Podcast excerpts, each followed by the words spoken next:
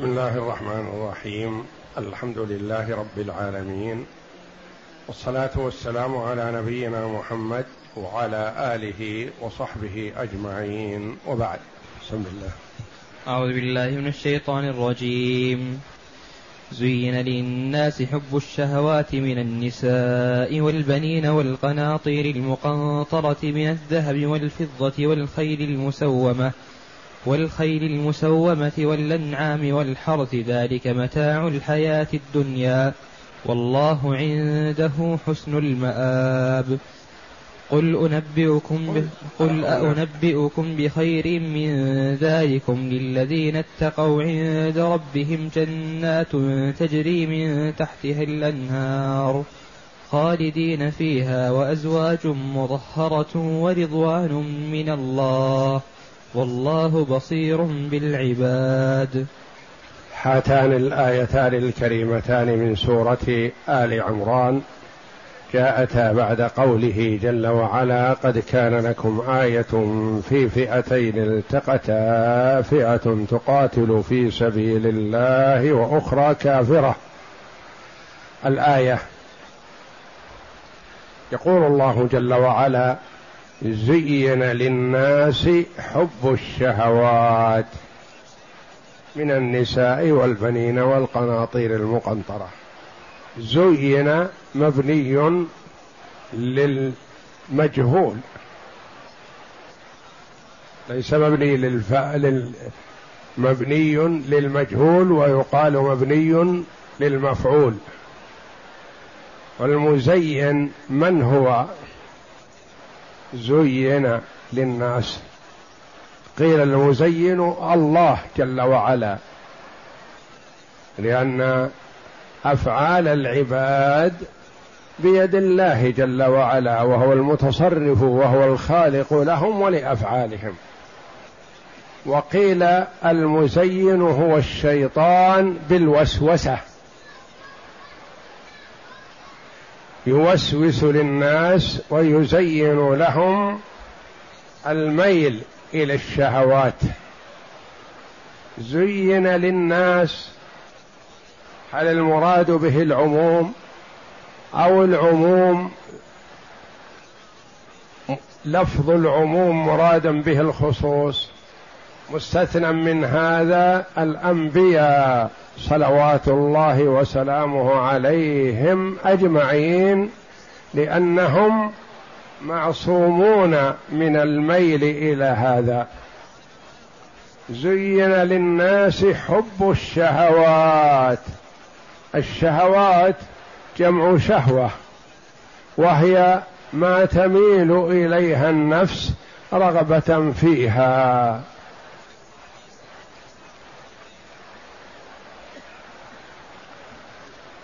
وقد تكون ممدوحة وقد تكون مذمومة. مثلا شهوة فيها ما تشتهيه الأنفس وتلذ الأعين. هذه شهوة ممدوحة وهي شهوة المؤمنين في الجنة. ما يعطونه في الجنة مما تشتهيه أنفسهم. وشهوة مذمومة وهي الميل إلى الدنيا بمثل هذه الآية. زين للناس حب الشهوات من النساء والبنين والقناطير المقنطرة من الذهب والفضة. هذه متع الحياة الدنيا.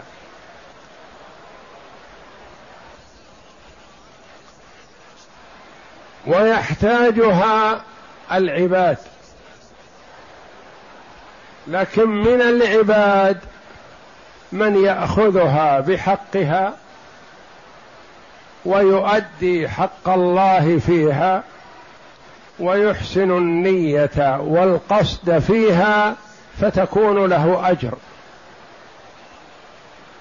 ومن الناس من يأخذها بغير حقها ويستعملها في غير مرضاه الله فتكون عليه وزر. والنبي صلى الله عليه وسلم يقول حبب إلي من دنياكم النساء والطيب وجعلت قرة عيني في الصلاة. فهذه الأشياء إذا استعملت في طاعة الله جل وعلا ومرضاته.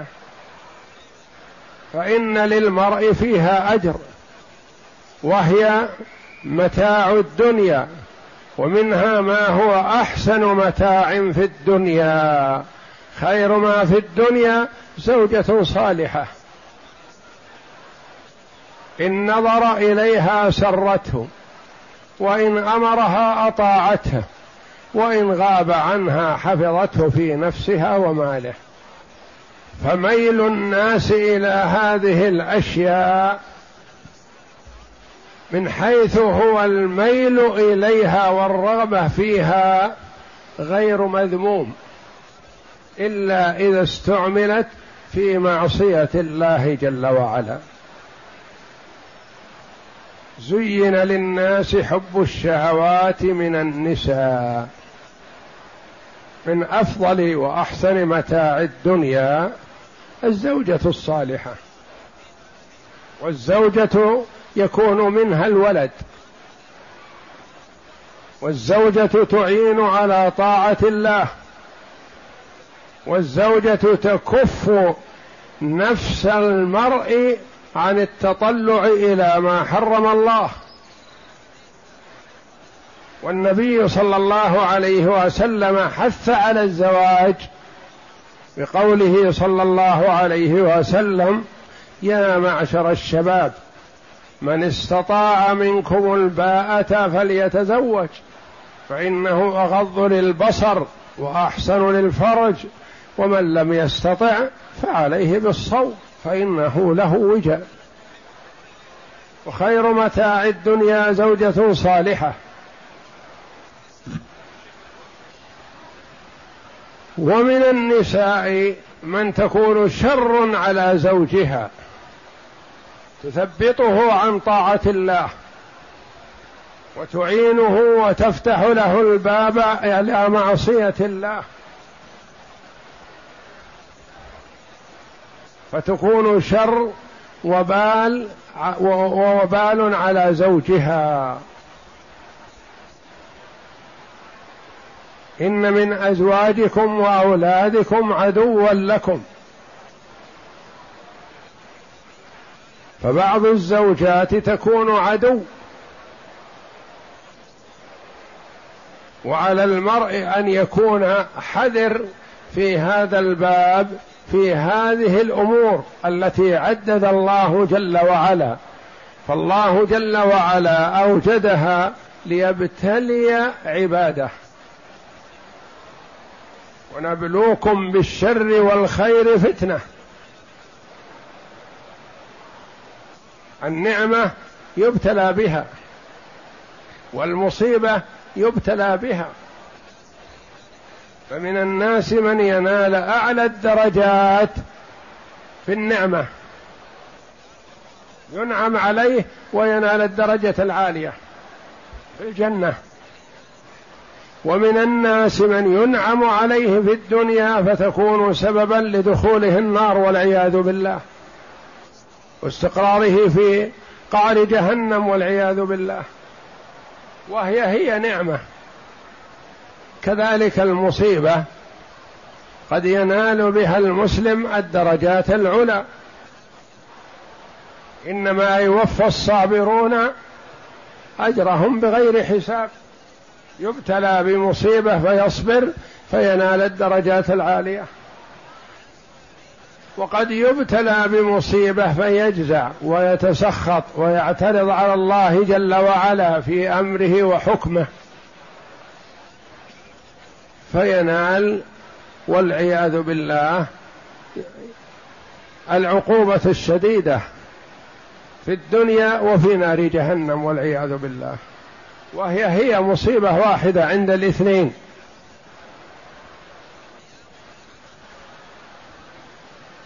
كذلك النساء تكون نعمة للمرء وعونا له على طاعة الله.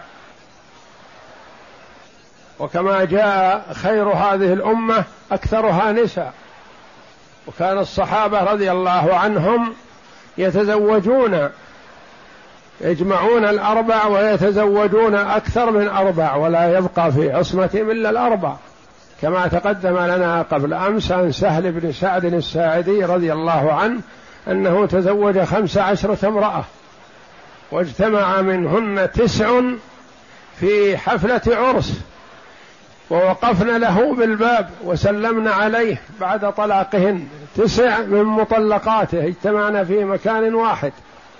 وقد تكون المرأة والعياذ بالله عدوا للإنسان كما ذكر الله جل وعلا في كتابه العزيز.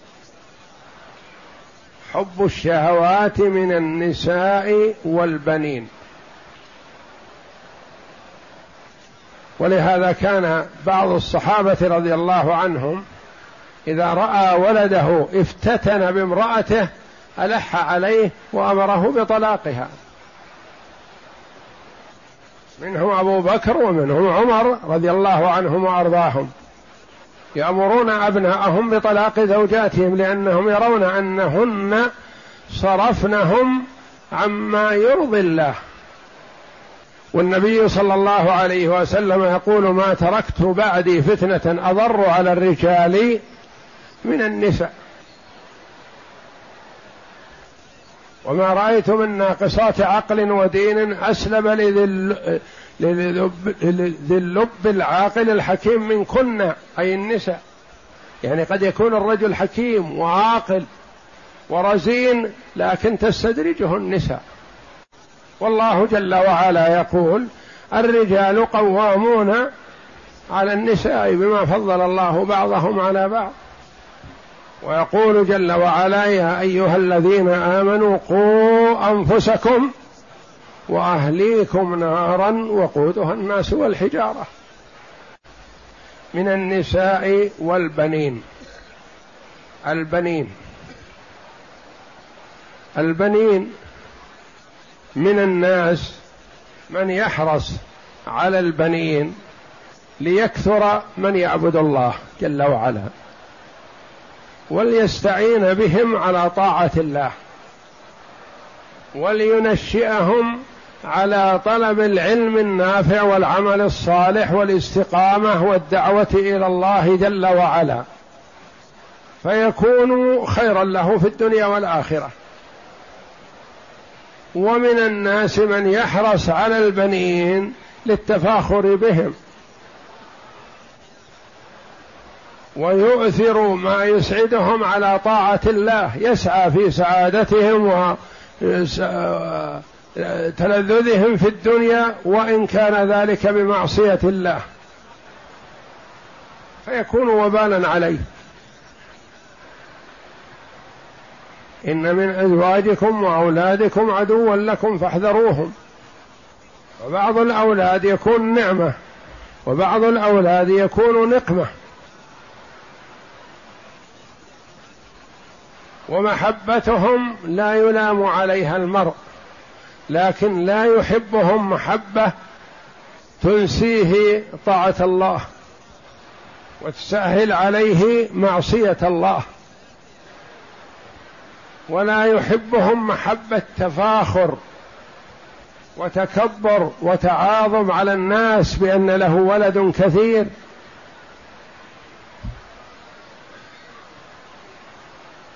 من النساء والبنين. قال من البنين ولم يقل من الأولاد لأن كلمة الأولاد تشمل الذكور والإناث وهنا قال من البنين يعني الذكور.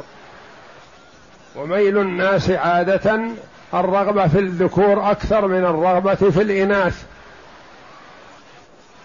وكانوا في الجاهلية لا يريدون الإناث ويتسخطون إذا ولدت لهم الأنثى.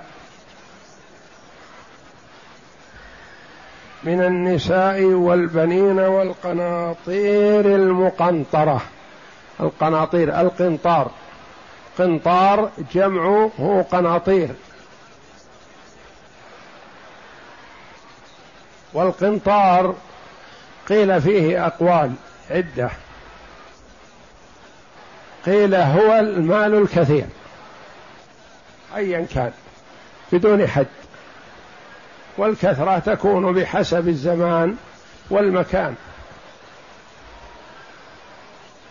أحيانا تكون الملايين ليست بكثيرة بالنسبة لما هو أكثر منها وأحيانا تكون المئات من الدراهم تكون كثيرة وعظيمة وقناطير مقنطرة. فقيل القناطير المقنطرة المال الكثير. وقيل القنطار ألف دينار وقيل ألف أوقية وقيل ألف ومائتا دينار وقيل اثنا عشر ألف دينار وقيل أربعون وقيل ستون وقيل ثمانون ألفا واختار ابن كثير ابن جرير رحمه الله بأن المراد والله أعلم المال الكثير من الذهب والفضة بدون تحديد لمقدار معين. والمقنطرة يعني المضاعفة. ما هو بقنطار واحد. قناطير قيل القنطرة يعني تسعة فأكثر. لما قال تسعة فأكثر؟ لأن قناطير تصدق على ثلاثة. الجمع. ومقنطرة يعني مضاعفة ثلاث مرات فأكثر فأقلها تسعة. تسعة قناطير تسمى مقنطرة يعني مجموع بعضها إلى بعض. والقناطير المقنطرة من الذهب والفضة. الذهب معلوم وسمي ذهب قيل لأنه يذهب ما يستقر. والفضة لأنه ينفض ويذهب لأن هذه أثمان تدفع. من الذهب والفضة والخيل المسومة والأنعام والحرث والخيل. الخيل كما جاء عن النبي صلى الله عليه وسلم لثلاثة. هي لواحد أجر وللثاني ستر وللثالث وزر والعياذ بالله. أجر ربطها في سبيل الله. ستر ربطها للتنمية وليستفيد منها وليركبها وليحلبها. وزر بطرا ورياء وتكبرا على الناس. والمسومة قيل المراد بها السائمة يعني التي ترعى ما تكلف صاحبها نفقة. وقيل المسومة المعلمة يعني فيها تعليم الذي هو الغرة. معلمة يعني فيها علامة التحجيل والغرة الخيل المحجلة أنفس من غيرها والخيل التي فيها الغرة في جبينها البياض أنفس من غيرها والخيل المسومة والأنعام الأنعام يراد بها بهيمة الأنعام الإبل والبقر والغنم من الشاء والمعز من الضأن والمعز. وهي الأربعة المذكورة في كتاب الله ثمانية أزواج.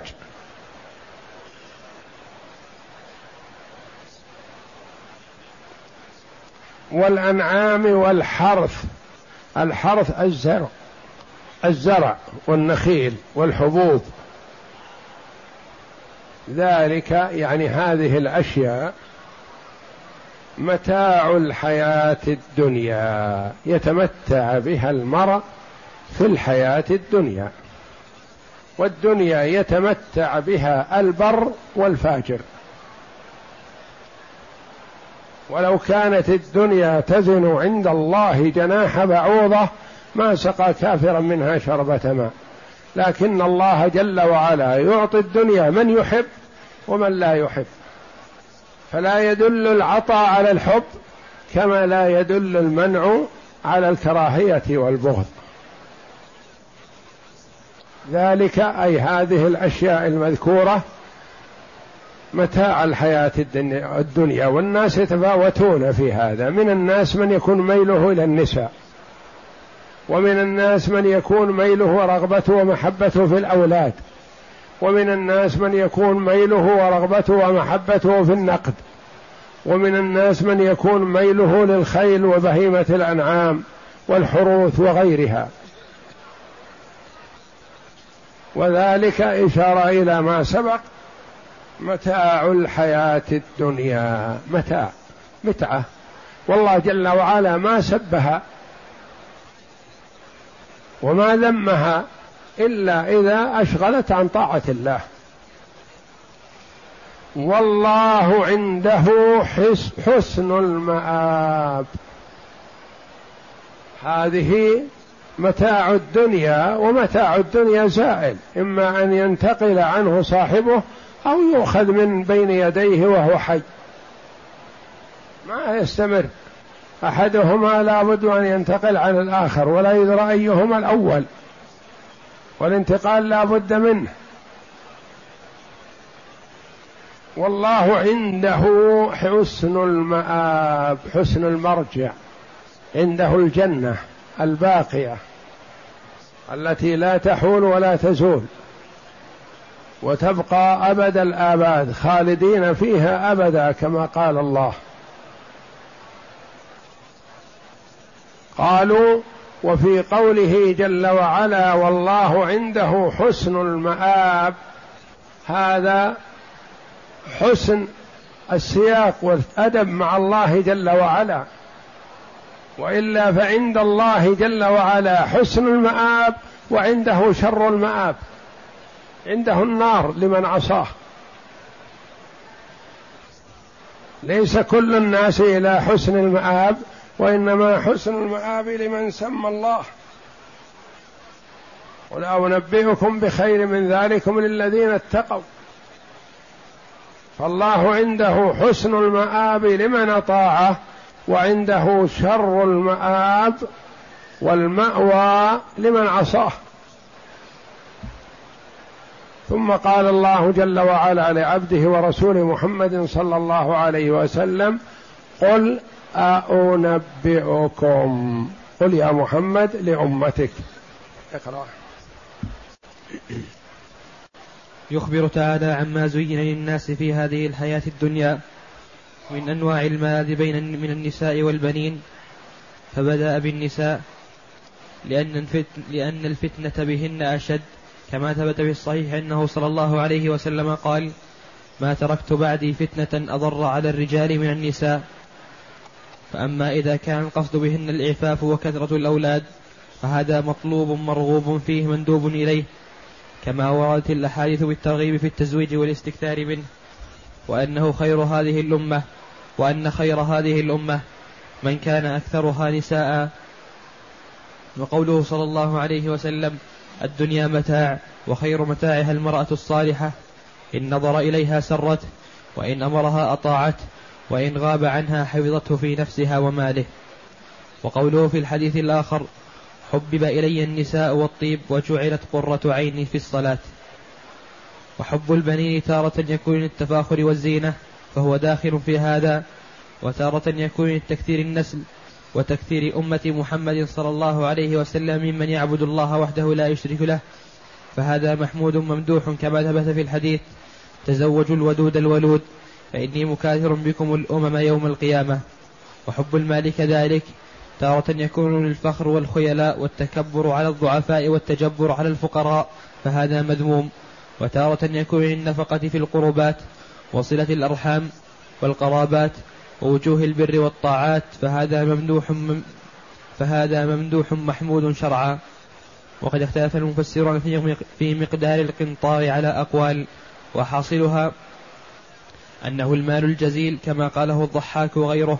وقيل ألف دينار وقيل ألف ومئتي دينار وقيل اثنا عشر ألفا وقيل أربعون ألفا وقيل ستون ألفا وقيل غير ذلك. وحب الخيل على ثلاثة أقسام. تارة يكون ربط تارة يكون ربطها أصحابها معدة لسبيل الله متى احتاجوا إليها غزوا عليها. فهؤلاء يثابون وتارة تربط فخرا ونواء لأهل الإسلام فهذه على صاحب فهذه على صاحبها وزر. وتارة للتعفف واقتناء نسلها ولم ينس حق الله في رقابها فهذه لصاحبها ستر. كما سيأتي في كما سيأتي الحديث بذلك إن شاء الله تعالى عند قوله تعالى وأعدوا لهم ما استطعتم من قوة ومن رباط الخيل. الآية. وأما المسومة فعن ابن عباس رضي الله عنهما المسومة الراعية. المسومة الراعية يعني التي ترعى في البرية السائمة. نعم. والمطهمة الحسان. وقال مكحول المسومة الغرة والتحجيل وقيل غير ذلك. وقوله تعالى والأنعام يعني الإبل والبقر والغنم والحرث يعني الأرض المتخذة للغراس والزراعة. وقال الإمام أحمد عن سويد بن هبيرة عن النبي صلى الله عليه وسلم قال خير مال امرئ له مهرة مأمورة أو, سك أو سكة مأبورة. المأمورة الكثيرة النسل والسكة النخل المصطف والمأبورة الملقحة. ثم قال تعالى ذلك متاع الحياة الدنيا. أي إنما هذا زهرة الحياة الدنيا وزينتها الفانية الزائلة. والله عنده حسن المآب أي حسن المرجع والثواب. وقال عمرو بن الخطاب رضي الله عنه لما نزلت زين للناس حب الشهوات قلت الآن يا رب حين الآن يا رب حين زينتها لنا فنزلت قل أنبئكم بخير من ذلكم للذين اتقوا الآية. والله أعلم وصلى الله وسلم وبارك على عبده ورسول نبينا محمد وعلى آله وصحبه أجمعين.